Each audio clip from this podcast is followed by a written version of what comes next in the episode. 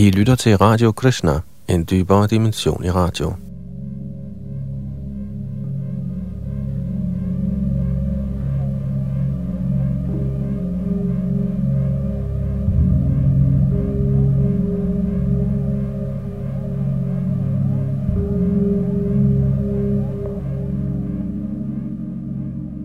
I vores løbende gennemgang af den nye danske oversættelse af Bhagavad Gita, nåede vi sidste gang frem til 17. kapitels 20. vers.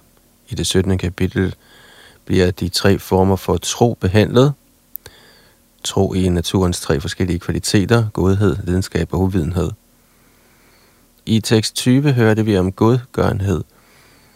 I øh, godhedens kvalitet, der gøres af pligt og uden bånd til en værdig person. Og her i tekst 21 skal vi høre om lidenskabens kvalitet, hvordan godgørenhed ydes i den fremtrædelsesform, og så videre frem til slutningen af kapitlet, og også videre med kapitel 18, konklusion for sagelsens fuldendelse.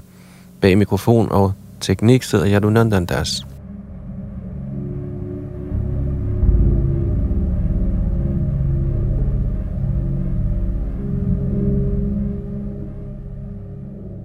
Tekst 21.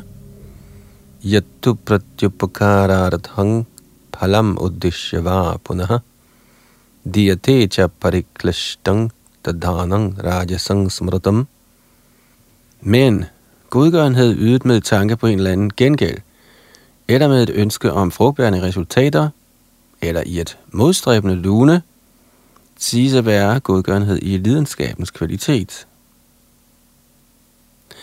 Og Srila Prabhupada kommenterer følgende.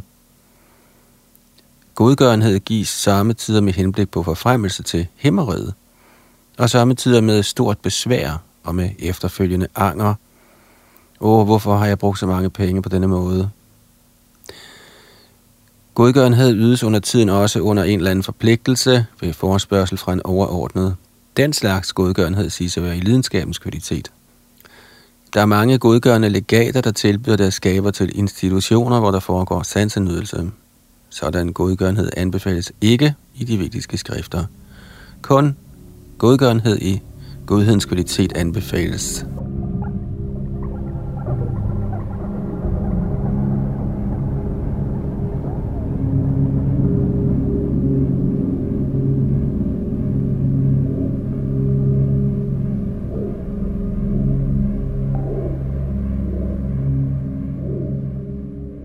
Tekst 22. Adeshakare yaddanam apatrebhyascha diyate asatkritam avagyatang tatamasamudahartam og godgørenhed ydet på et urent sted, på et forkert tidspunkt, til uværdige personer, eller uden forsvarlig opmærksomhed og respekt, siges at være i uvidenhedens kvalitet – Kommentar. Bidrag til rusmidler og hasardspil bliver ikke opmuntret her. Den slags bidrag er i uvidenhedens kvalitet. Sådan godgørenhed er ikke gavnlig. Snarere opmuntrer den syndige mennesker. Hvis man ligeledes giver godgørenhed til en passende person, men uden respekt og opmærksomhed, siges også den slags godgørenhed at befinde sig i kvaliteten af mørke.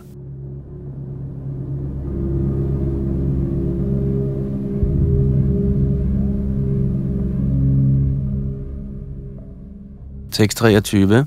Om tad sho brahmanas trividha smrta brahmanas tena vedascha yajnascha vihita pura. Fra skabelsens begyndelse blev de tre ord Om Tat Sat brugt til at pege på den højeste absolute sandhed. Disse symbolske repræsentationer blev brugt af brahminer – mens de sang vidernes hymner samt under ofre til glæde for den højeste. Kommentar. Det er blevet forklaret, at boet, offer, godgørenhed og mad inddeles i tre kategorier. Kvaliteterne er godhed, lidenskab og uvidenhed. Men uanset om de er første klasses, anden klasses eller tredje klasses, er de alle betingede, besmittede naturens materielle fremtrædelsesformer – Når de er beregnet på den højeste, Aung Dat Sat, guddommens højeste person, evigheden, bliver de til midler til åndelig hævelse. I den skriftlige anvisning bliver der henvist til et sådan formål. Disse tre ord, Aung Dat Sat, peger især på den absolute sandhed, guddommens højeste person. I de vediske hymner finder man altid ordet Aum.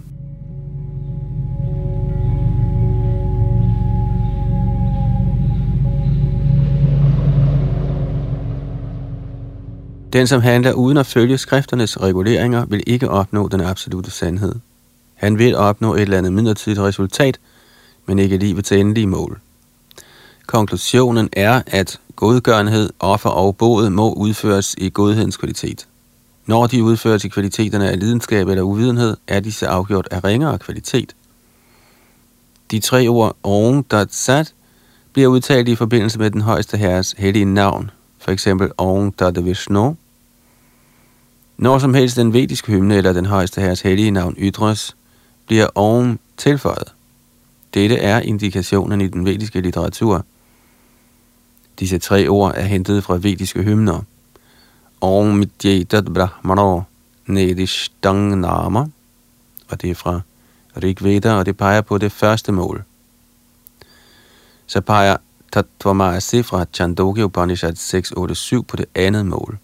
Og Sadeva Saumya fra Chandogya Upanishad 621 peger på det tredje mål. Talt sammen bliver de til Om Dat Sat, Tidligere, da Brahma, det første levende væsen, udførte ofre, pegede han med disse tre ord på guddommens højeste person. Derfor er det samme princip altid blevet fuldt af disciplerækken. Så denne hymne er af stor betydning. Bhagavad Gita anbefaler af denne grund, at alt arbejde gøres for oven Sat, eller for guddommens højeste person. Når man udfører boet, godgørenhed eller offer, med disse tre ord handler man i Krishna-bevidsthed. Krishna-bevidsthed er en videnskabelig udførelse af transcendentale handlinger, der sætter en i stand til igen at vende hjem til den højeste Gud. Der er intet tab af energi, når man handler på en sådan transcendental måde.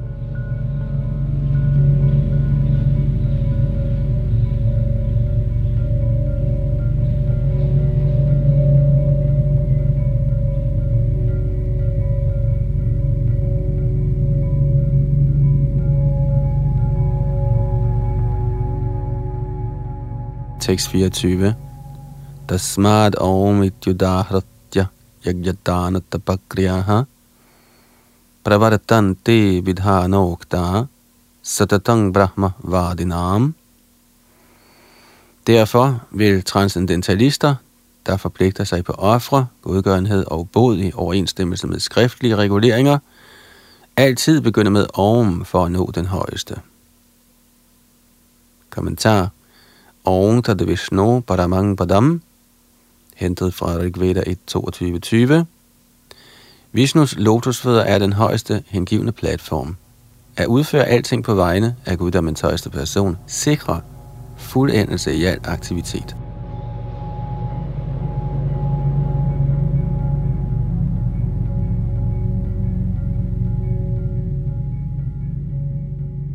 Tekst 25 tadityanabhisandhaya parang jagyatapa kriyaha dana kriyascha vividha kriyante mokshakangshibhihi.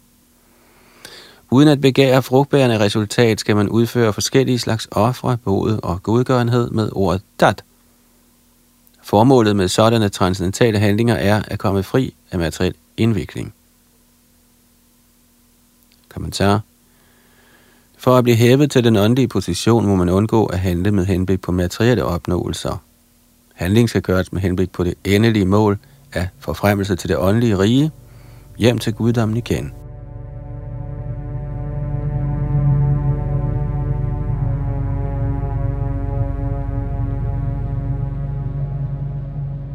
Tekst 26 og 27. Sadbhave sadhu saddit सद्दिच्चेतत् प्रयुज्यते प्रशस्ति कर्मणि तथा सच्छब्द भारत युज्यते Yagnye tapasidane cha sthiti saditi chochate karamachaiva tad arthiyang saditjiva vidhiyate. Den absolute sandhed er målet med hengivne ofre, og dette antydes med ordet sat. Udøveren af et sådan offer kaldes også for sat, såvel som alle udførelser af offer, bod og godgørenhed, der tro mod den absolute natur, udføres til glæde for den højeste person, o søn af Pratar. Kommentar. Ordene prashaste karamani, eller foreskreven pligt, henviser til, at der er mange foreskrevne aktiviteter i den vediske litteratur. Der er rensende handlinger, begyndende fra undfangelsestidspunktet og op til slutningen af ens liv. Sådanne renselsesmetoder tages i brug med henblik på det levende væsens endelige udfrielse. I alle sådanne aktiviteter bliver det anbefalet, at man ytrer Aung Dat Sat. Ordene Sadbhave og Sadhubhave henviser til den transcendentale situation. Handling i Krishna-bevidsthed kaldes for Sattva, og den, som er fuldt bevidst om Krishna-bevidsthedens aktiviteter, kaldes for Sadhu. I Bhagavad 3. bogs 25. kapitel tekst 25 står der, at det transcendentale emne bliver tydeligt i omgang med de hengivne. De brugte ord er Sadang Prasangat. Uden god omgang kan man ikke opnå transcendental viden. Når man indviger en person, der tilbyder den hellige tråd, ytrer man ordene Aung Dat og i al slags udførelse af yajna er genstanden ligeledes den højeste, Aung Dat En videre betyder ordet Dadartiyang, at yde tjeneste til hvad som helst, der repræsenterer den højeste, herunder sådan tjeneste som madlavning og at hjælpe til i Herrens tempel, eller enhver anden slags arbejde til fordel for udbredelsen af Herrens herligheder. Disse højeste ord, Aung Sat, bliver således brugt på mange måder til at fuldende al aktivitet og gøre alting komplet.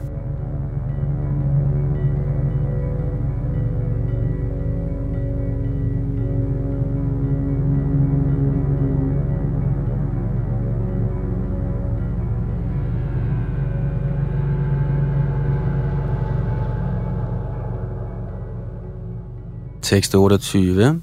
Ashradhaya hutang dattang tapastaptang kritang chayat asaditchutyate paratha nachatad prejano iha. Hvad som helst, der gøres som offer, godgørenhed eller bod, uden tro på den højeste, o Sønderbrødder, er ikke varigt. Det kaldes for asad og er værdiløst både i dette liv og det næste. Kommentar hvad som helst, der gøres uden den transcendentale hensigt, det være sig offer, godgørenhed eller båd, er uden værdi. Derfor bliver det i dette vers erklæret, at sådanne handlinger er forkastelige. Alting må gøres for den højeste i kristne bevidsthed. Uden denne tro og uden behørig vejledning kommer der aldrig nogen frugt. I alle vediske skrifter rådes man til at tro på den højeste – i forfølgelsen af al vedisk instruktion er det endelige mål at forstå Krishna. Ingen kan nå til succes uden at følge dette princip. Derfor er den bedste kurs allerede fra begyndelsen at arbejde i kristne bevidsthed under vejledning af en ægte åndelig mester. Det er metoden til at gøre alting succesfuldt.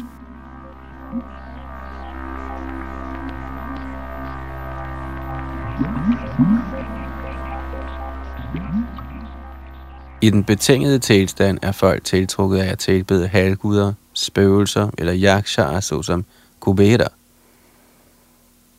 Godhedens kvalitet er bedre end kvaliteterne af lidenskab og uvidenhed, men den, som direkte lægger sig efter Krishna-bevidsthed, er transcendental til alle tre fremtrædelsesformer i den materielle natur.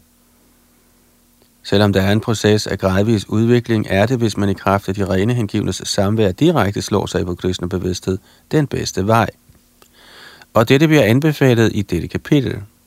For at nå til succes på denne vej, må man finde den rigtige åndelige mester og lade sig træne under hans vejledning. Der kan man opnå tro på den højeste. Når denne tro med tiden modnes, kaldes den for kærlighed til Gud. Denne kærlighed er de levende væseners endelige mål. Man må derfor direkte indlade sig på Krishna bevidsthed. Det er budskabet i dette 17. kapitel.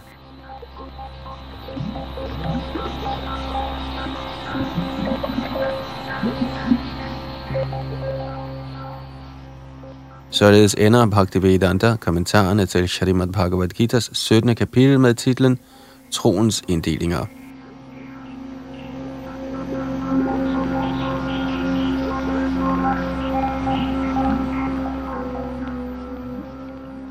Bhagavad Gita, kapitel 18, konklusion, forsagelsens fuldendelse. Tekst 1. Arjuna Uvacha. Sanyasya Mahabaho tattvamichhami veditum. Tyagasya cha hrishikesha prathakkeshi nishudana.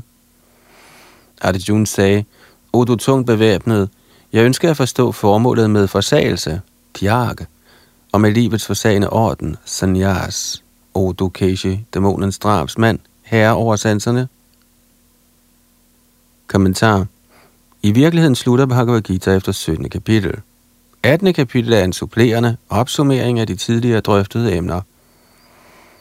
I hvert af Bhagavad Gita's kapitler lægger Herren Krishna vægt på hengiven tjeneste til Guddoms højeste person som livets endelige mål. Denne samme pointe bliver opsummeret i 18. kapitel som den mest fortrolige vej til viden.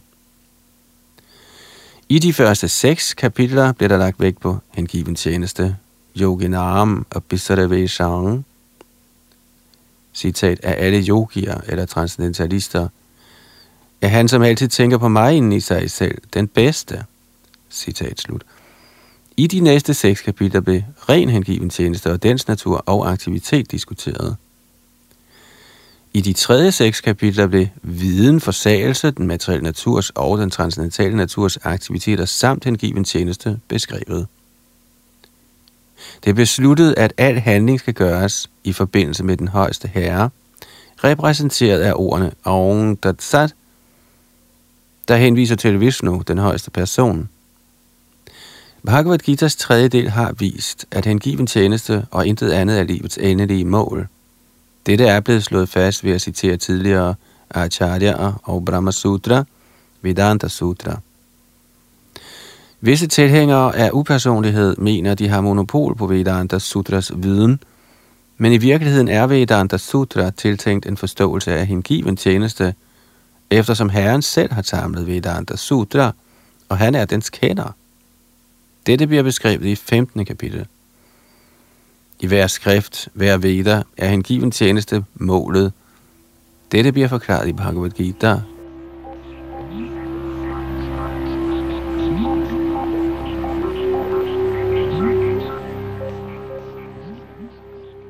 Ligesom andet kapitel giver en sammenfatning af hele emnet, gives der i 18. kapitel ligeledes en opsummering af al undervisning.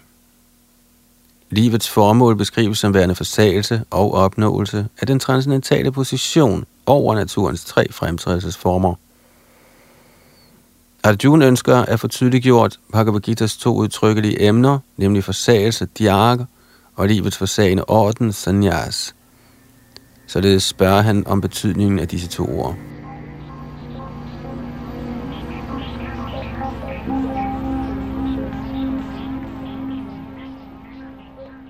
To ord, der i dette vers bliver brugt til at tiltale den højeste herre, Rishi Kesh og Keshi Nishudan, er vigtige. Rishi Kesh er Krishna, alle sansers herre, der altid kan hjælpe os med at opnå sindsro. Arjuna beder ham om at opsummere alting på en sådan måde, at han kan forblive ligevægtig.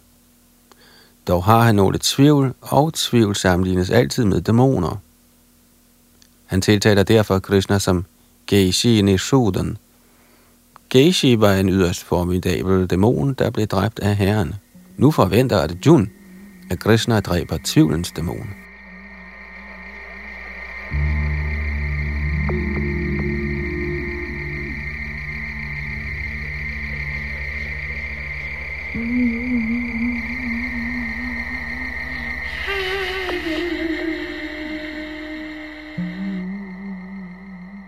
Tekst 2. Shri Bhagwan Uvacha. Niskam karamanang nyasang sanyasang kavido viduhu. Sarva karma phala tyagang prahus tyagang vichakshanaha. Guddommens højeste person sagde, at opgive aktiviteter, der baserer sig på materielle ønsker, er hvad mægtige lærte mænd kalder for livets forsagende orden, sanyas.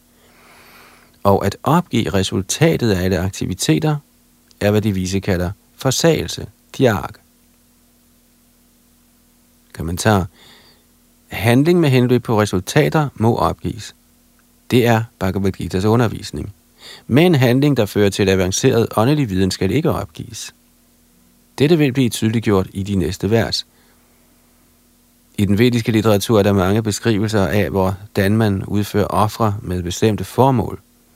Der er nogle ofre, man gør for at få en god søn eller for at blive forfremmet til de højere planeter. Men ofre, der tilskyndes af ønsker, bør stoppes. I midlertid skal ofre med henblik på hjertets lutring eller fremskridt i den åndelige videnskab ikke opgives.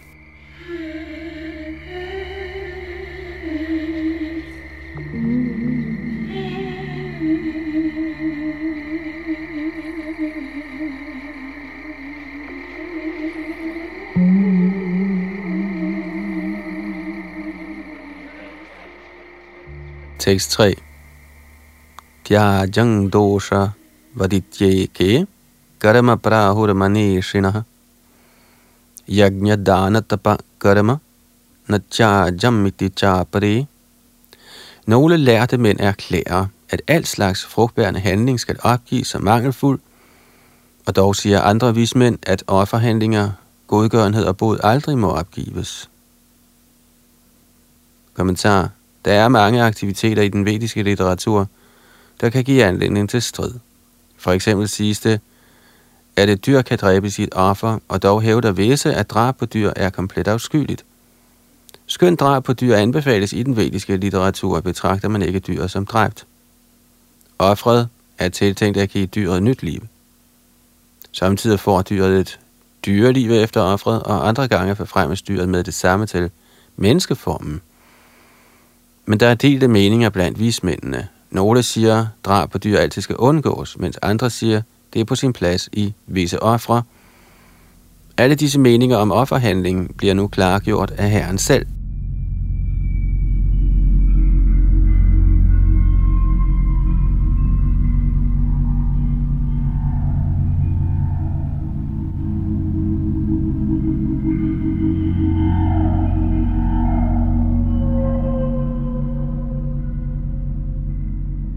Tekst 4. Nishchayang shriname tatra tyage bharata sattama tyago hi purusha vyaghra trividha samprakirtita. O du bedste af Bharata, hør nu min afgørelse om forsagelse. O du tiger blandt mænd, forsagelse erklæres i skrifterne som værende af tre slags. Kommentar. Skønt der er meningsforskelle om forsagelse, afgiver guddommens højeste person, Shri Krishna, sin dom, der skal opfattes som endelig. Trods alt er vedderne forskellige love, Herren har givet. Her er Herren personligt til stede, og hans ord bør opfattes som afgørende. Herren siger, at forsagelsens proces skal forstås i henhold til de af naturens kvaliteter, hvorunder den sker.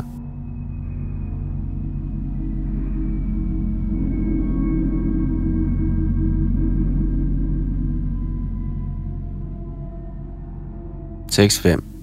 Yajna dana tapa karama nacha jankaryameva tat Yajnyo danang tapascheva Pavanani manishinam Handlinger af offer, godgørenhed og bod skal ikke opgives. De må udføres. Ja, offer, godgørenhed og bod renser selv de store sjæle. Kommentar Yogierne skal udføre handlinger, der fremmer menneskesamfundets fremskridt. Der er mange renselsesmetoder, der skal hæve et menneske til åndeligt liv. For eksempel regnes ægteskabsceremonien for et af disse ofre. Det kaldes for Vivaha Yajna. Skal en sannyasi, der befinder sig i livets forsagende orden, og som har forladt sine familieforbindelser, opmuntre ægteskabsceremonien, Herren siger her, at intet offer, der fremmer menneskelig velfærd, skal opgives. Vi var her, yajna, ægteskabsceremonien, er tiltænkt at regulere menneskesindet, således at det kan blive fredfyldt med henblik på åndelige fremskridt. Hvad angår langt de fleste mænd, bør vi var her, yajna, opmuntres sågar af personer i livets forsagende orden. Sanyasi må aldrig omgås kvinder, men det betyder ikke, at den, som befinder sig på et lavere stadie i livet, en ung mand, ikke skal acceptere en hustru i ægteskabsceremonien. Alle foreskrevne pligter er beregnet på at nå den højeste herre. Derfor skal disse ikke opgives på livets lavere stadier. Ligeledes er godgørenhed beregnet på hjertets lutring. Når godgørenhed ydes de rette personer, som før beskrevet, fører det en til et avanceret åndeligt liv.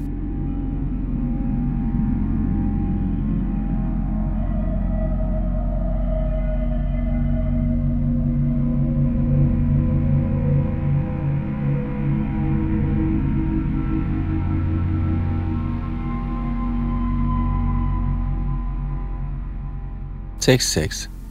Etanya pitukaramani sangang chaktava paranicha kartavyani time partha nishchitang matamuttamam. Alle disse aktiviteter skal udføres uden bånd eller forventning om resultat. De skal gøres som et spørgsmål om pligt, o Sunaprata. Det er min endelige mening.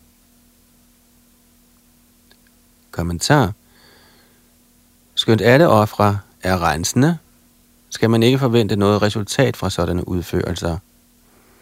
Med andre ord skal alle ofre, der gøres med henblik på materielle fremskridt i livet, opgives. Men de ofre, der renser ens tilværelse og hæver en til det åndelige plan, skal ikke stoppes. Alt, der fører til kristne bevidsthed, må opmuntres. Også i Bhagavat står der, at enhver handling, der fører til Herrens indgivende tjeneste, skal accepteres. Det er religionens højeste kriterium. En hengivende herren skal acceptere enhver slags arbejde, offer eller godgørenhed, der hjælper ham med at yde herren hengiven tjeneste.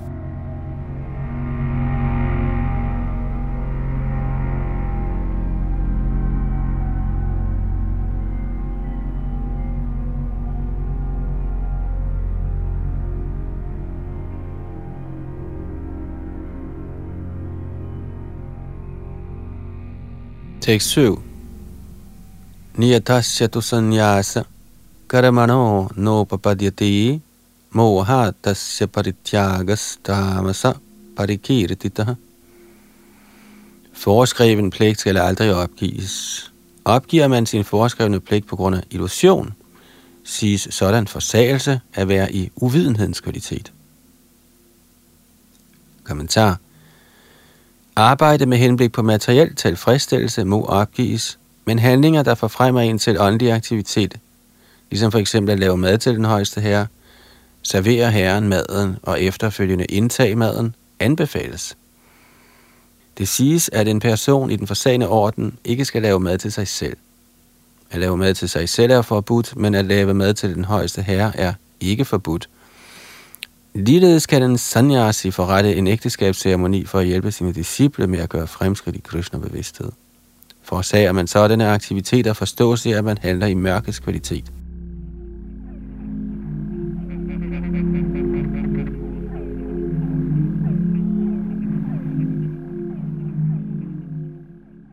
Tekst 8.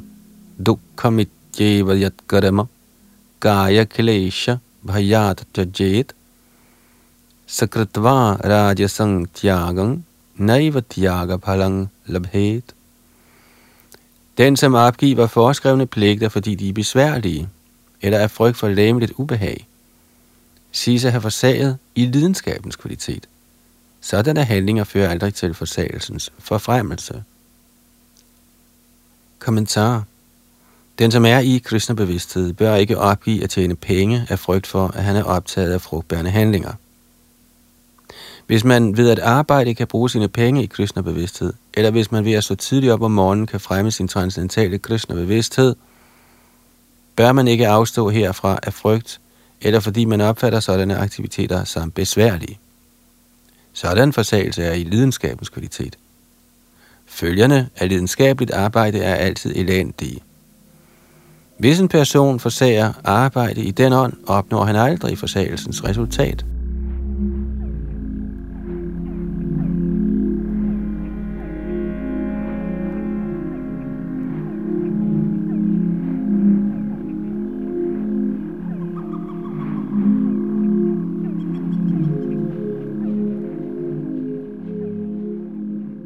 Tekst 9. Karya mityeva yat karma niyatang kriyate arjuna sangang chaktava phalang cheva satyaga satvikomatah. O Arjun, når man gør sin foreskrevne pligt, blot fordi den bør gøres, og forsager alt materiel omgang og alle bånd til resultatet, siges ens forsagelse at være i godhedens kvalitet. Kommentar. Foreskrevne pligter skal gøres med denne mentalitet. Man må handle uden bånd til resultatet. Man må være fri for bånd til arbejdets kvaliteter. Et menneske, der arbejder i Krishna-bevidsthed på en fabrik, knytter sig ikke til arbejdet på fabrikken, og heller til dens arbejdere. Han arbejder blot for Krishna. Og når han overgiver resultatet til Krishna, handler han transcendentalt.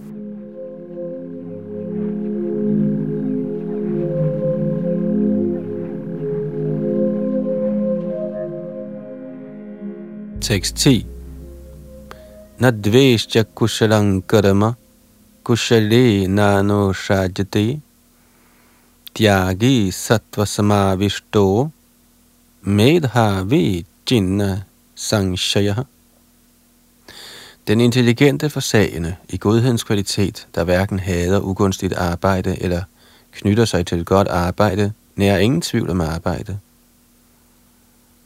Kommentar. En person i Krishna-bevidsthed eller i godhedens kvalitet hader ingen eller intet, der generer hans krop. Han gør sit arbejde på rette tid og sted, uden frygt for de besværlige følger af hans pligt. En sådan transcendentalt situeret person skal forstås som værende den mest intelligente og hinsides alt tvivl i sine handlinger.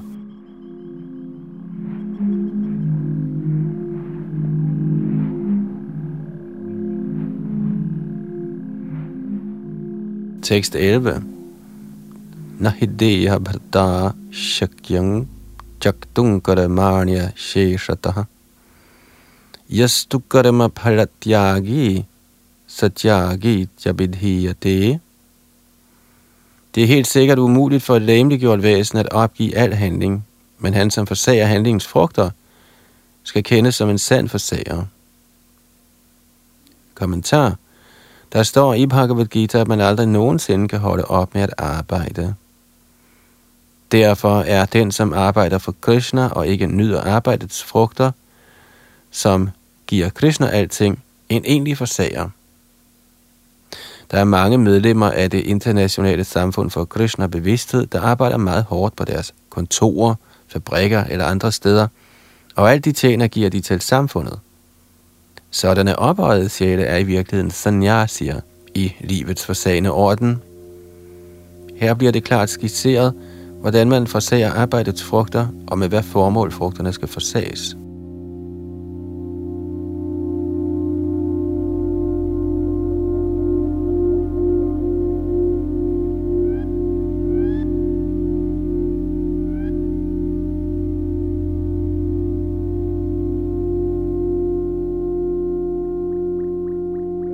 Tekst 12. Anishtam ishtang mishrang cha trividhang karamana padam bhavatyajaginang pretya nattu kuchit. Den, som ikke er forsagende, vil tildeles handlingens trefaldige frugter, ønskelige, uønskelige og blandede, efter døden. Men de, som lever i den forsagende orden, har ingen sådanne resultater at lide eller nyde. Og en kort kommentar. En person i Krishna-bevidsthed, der handler i viden om sit forhold til Krishna, er altid befriet. Derfor tvinges han ikke til at nyde eller lide følgerne af sine handlinger efter døden.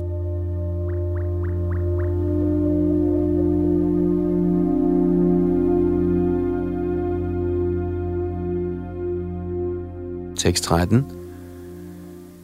Panchatani Mahavaho Karanani Nibodhame Sankhye Kritante Proktani Siddhaye Sarvakaramanam O du tungt bevæbnet Arjuna, ifølge Vedanta er der fem årsager til fuldførelsen af al handling. Lær nu om disse fra mig. Kommentar. Man kunne spørge, hvis al handling, man udfører, må have et eller andet resultat, hvordan kan det da være, at en kristnebevidst person ikke lider eller nyder arbejde til reaktioner? Herren citerer Vedanta-filosofi for at vise, hvordan dette lader sig gøre. Han siger, at al handling har fem årsager, og for at få succes i al aktivitet, må man tage disse fem årsager i betragtning. Sankhya betyder kundskabsforråd, og Vedanta er det endelige kundskabsforråd, der accepteres af alle ledende acharyaer. Selv Shankara accepterer Vedanta Sutra som sådan. Derfor skal man rådføre sig med sådan autoritet.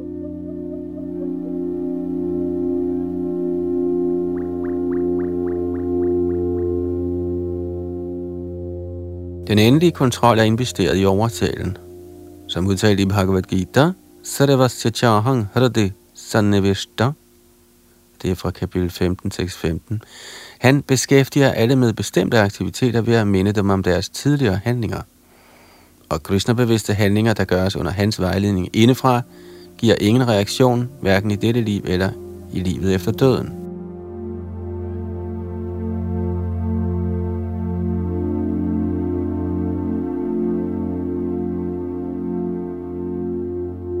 Tekst 14 adhishtanang tatha karata karanang cha pradhagvadham vividhascha pradhag cheshta daivang chaivatra panchamam.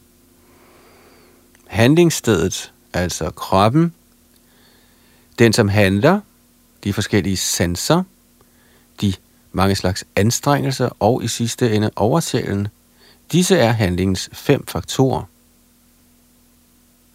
Kommentar. Ordet adhishtanam henviser til kroppen. Sjælen inde i kroppen handler for at opnå handlingens resultat og kendes derfor som karata, den som handler.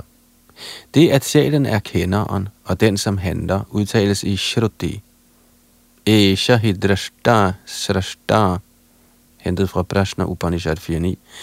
Det bekræftes også i Vedanta Sutra af versene Gyota Eva 2.3.18 og Garta Shastrarthavatvat 2.3.33. Handlingsinstrumenterne er sanserne, og gennem sanserne handler sjælen på forskellige måder. For hver eneste handling er der en forskellig bestræbelse. Men alle ens aktiviteter afhænger af oversjælen, der befinder sig i hjertet som en ven. Den højeste herre er den højeste årsag, under disse omstændigheder vil den, som handler i Krishna-bevidsthed under vejledning af oversjælen, der sidder i hjertet, naturligt ikke være bundet af nogen handling. De, som befinder sig i komplet Krishna-bevidsthed, er i sidste ende ikke ansvarlige for deres handlinger. Alting beror på den højeste vilje, oversjælen, uddommens højeste person.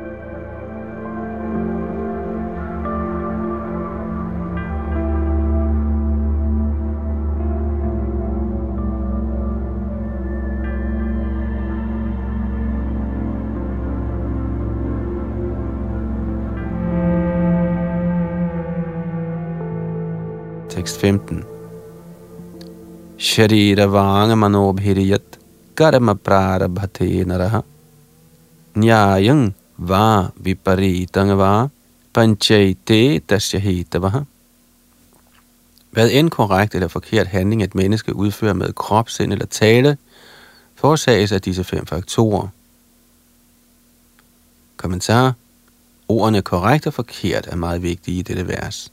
Korrekt arbejde gøres i henhold til skrifternes foreskrevne vejledning, og forkert arbejde gøres i modstrid med principperne i skrifternes bud. Men alt, der gøres, kræver disse fem faktorer til dets fuldbyrdelse.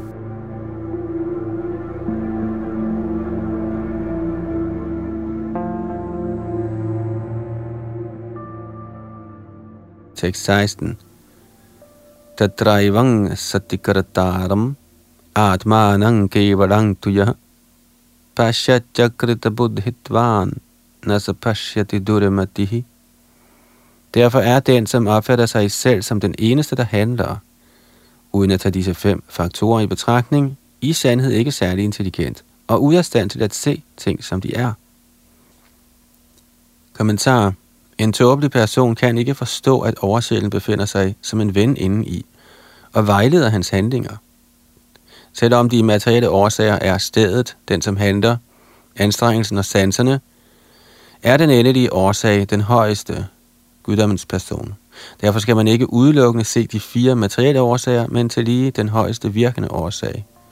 Den, som ikke ser den højeste, opfatter sig selv som den, der handler.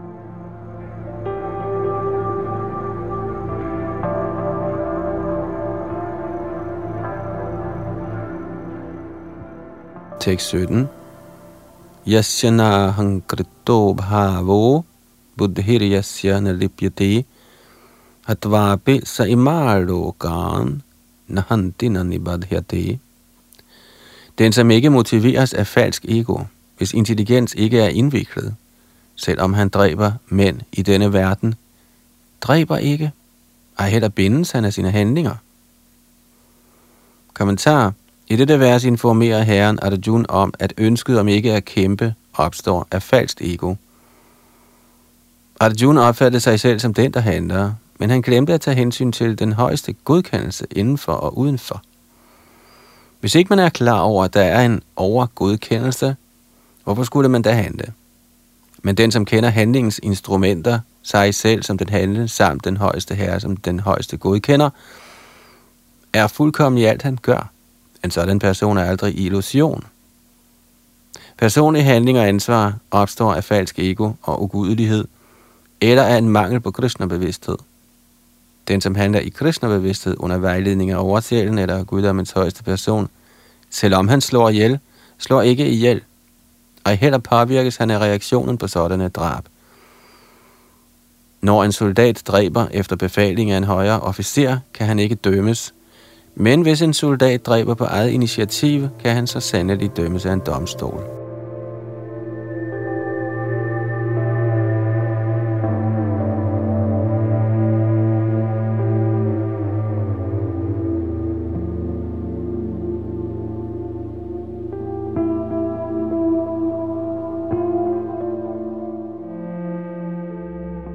Tekst 18.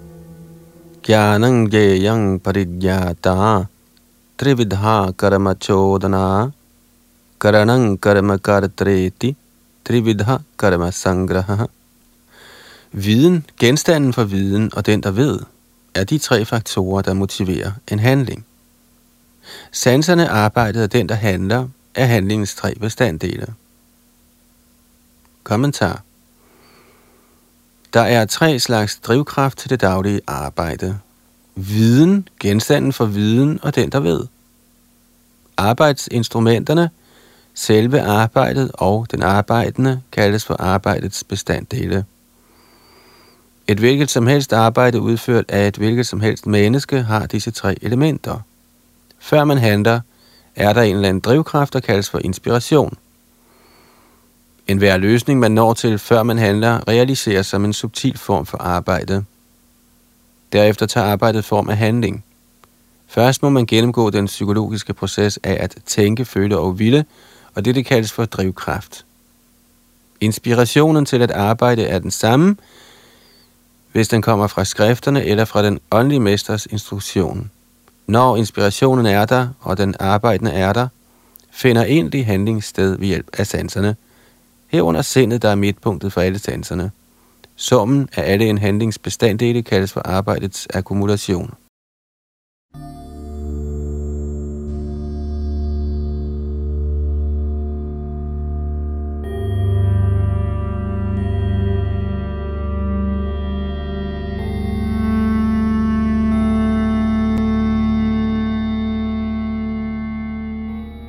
Tekst 19.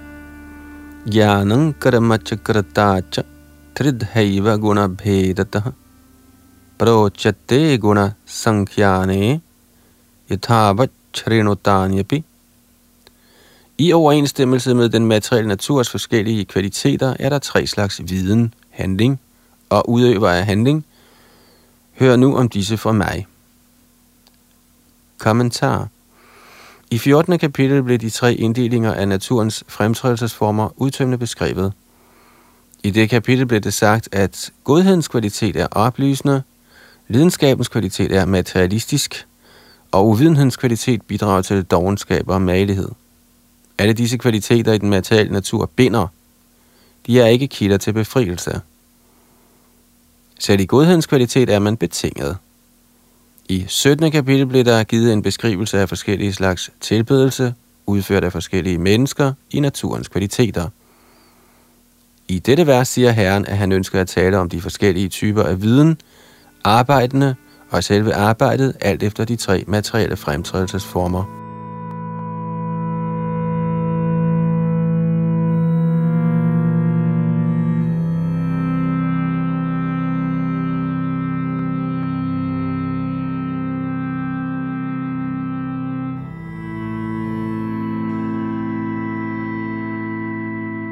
Tekst 20. Sarvabhuteshu yenaikang bhavamabhyayamikshate avibhaktang vibhakteshu tajjanang vidhisatvikam. Den viden, hvormed man ser en udelt åndelig natur i alle levende væsener, selvom de er delt i utallige former, skal du kende som viden i godhedens kvalitet. Kommentar en person, der ser en ånd i alle levende væsener, det være sig en halgud, et menneske, et dyr, en fugl, et havdyr eller en plante, besidder viden i godhedens kvalitet. I alle levende væsener er en åndelig sjæl til stede, selvom de har forskellige kroppe ifølge deres tidligere arbejde. Som beskrevet i 17. kapitel, skyldes manifestationen af livskraft i hver krop den højeste herres højere natur. At kunne se en højere natur denne livskraft i hver krop vil sige at se i godhedens kvalitet. Dette levende væsen er uforgængeligt, selvom kroppen er forgængelige. Forskelle opfattes med hensyn til kroppen. Fordi der er mange former for materiel eksistens i det betingede liv, ser det levende væsen ud til at være delt. Sådan upersonlig viden er et aspekt af selvrealisering.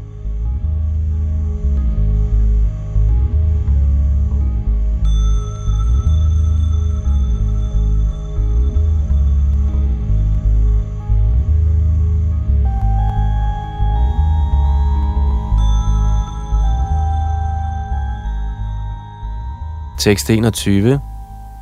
Prataktvena tu nana bhavan pratakvidhan veti sarveshu bhuteshu tajnanang vidhirajasam den viden, hvormed man ser, at der i hver adskilt krop er en forskellig type af levende væsen, skal du forstå som værende i lidenskabens kvalitet. Kommentar den opfattelse, at den materielle krop er det levende væsen, og at bevidstheden går til grunde med kroppens endeligt, kaldes for viden i lidenskabens kvalitet. Ifølge den viden adskiller sig kroppe fra hinanden på grund af udviklingen af forskellige slags bevidsthed, for uden hvilken der ikke kan være nogen adskilt sjæl, der giver udtryk for bevidsthed. Selve kroppen er sjælen, og der er ingen separat sjæl, hinsides kroppen. Ifølge sådan viden er bevidsthed midlertidig. Et også er der ingen individuelle sjæle, men der er en alt gennemtrængende sjæl, der er fuld af viden, og denne krop er et udslag af midlertidig uvidenhed. Eller også er der ingen særlig individuel eller højeste sjæl hinsides denne krop. Alle sådanne opfattelser skal anses som frembringelser af lidenskabens kvalitet.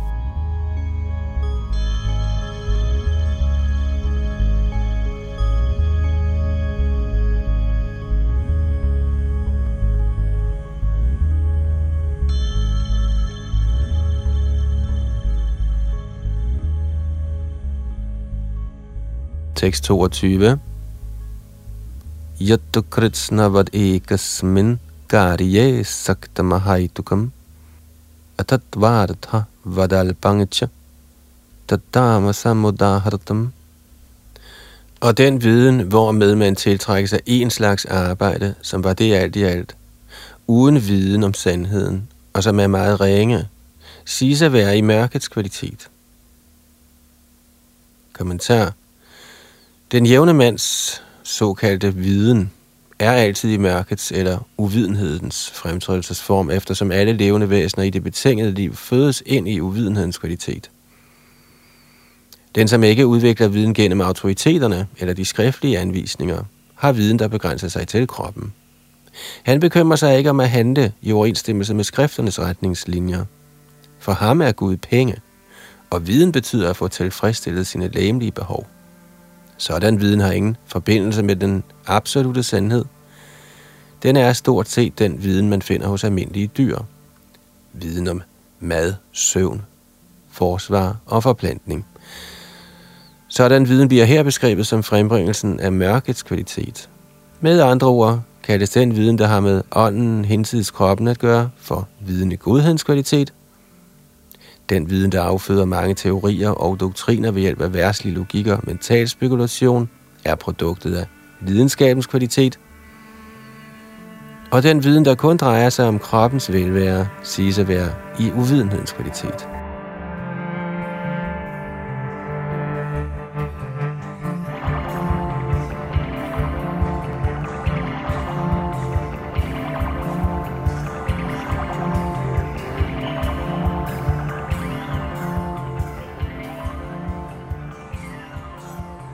Tekst 23.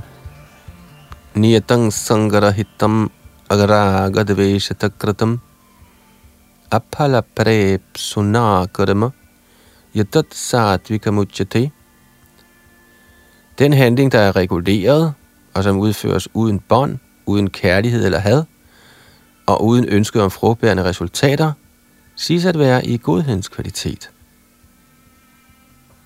Kommentar regulerede erhvervsmæssige pligter, som de beskrives i skrifterne med hensyn til de forskellige ordner og samfundsinddelinger, der gøres uden bånd eller ejendomsret, og derfor uden kærlighed eller had, og som gøres i Krishna-bevidsthed til glæde for den højeste, uden selvtilfredshed eller selvtilfredsstillelse, kaldes for handlinger i godhedens kvalitet.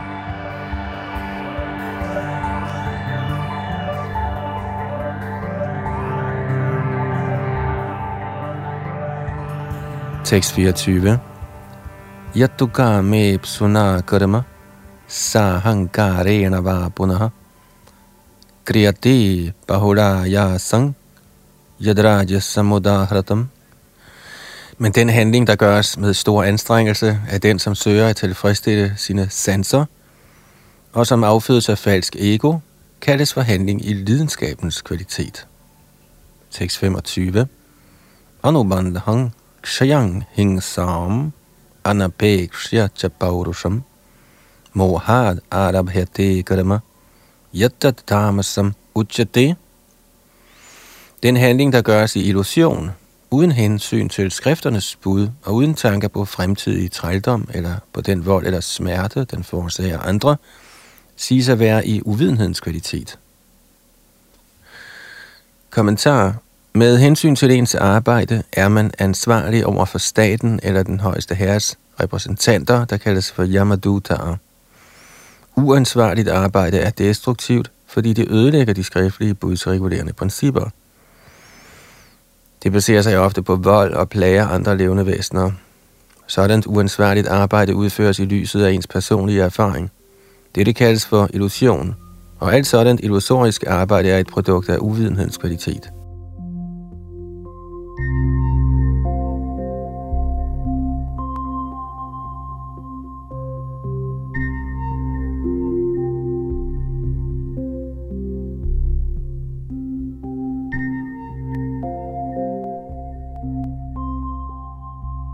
626.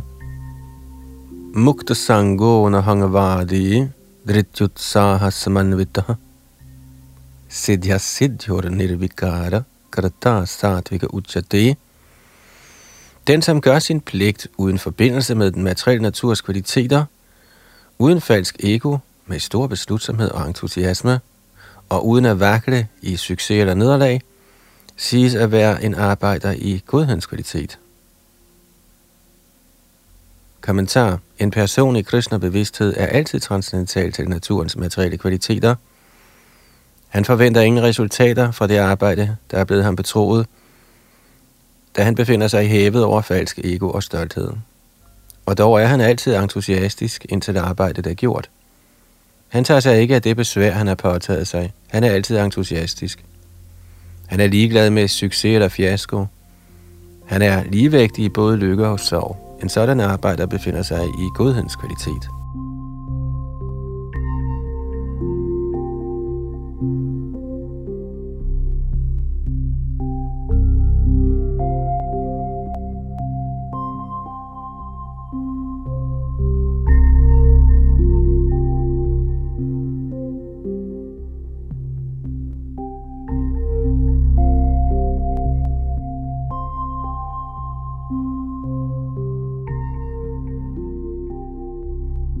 Så nåede vi frem til og med tekst 26 her i Bhagavad Gita's 18. kapitel, som vel sagtens er bogens længste med sine 78 vers, som vi kommer til i kommende udsendelser, her hvor Yadunandan Das sad bag mikrofon og teknik.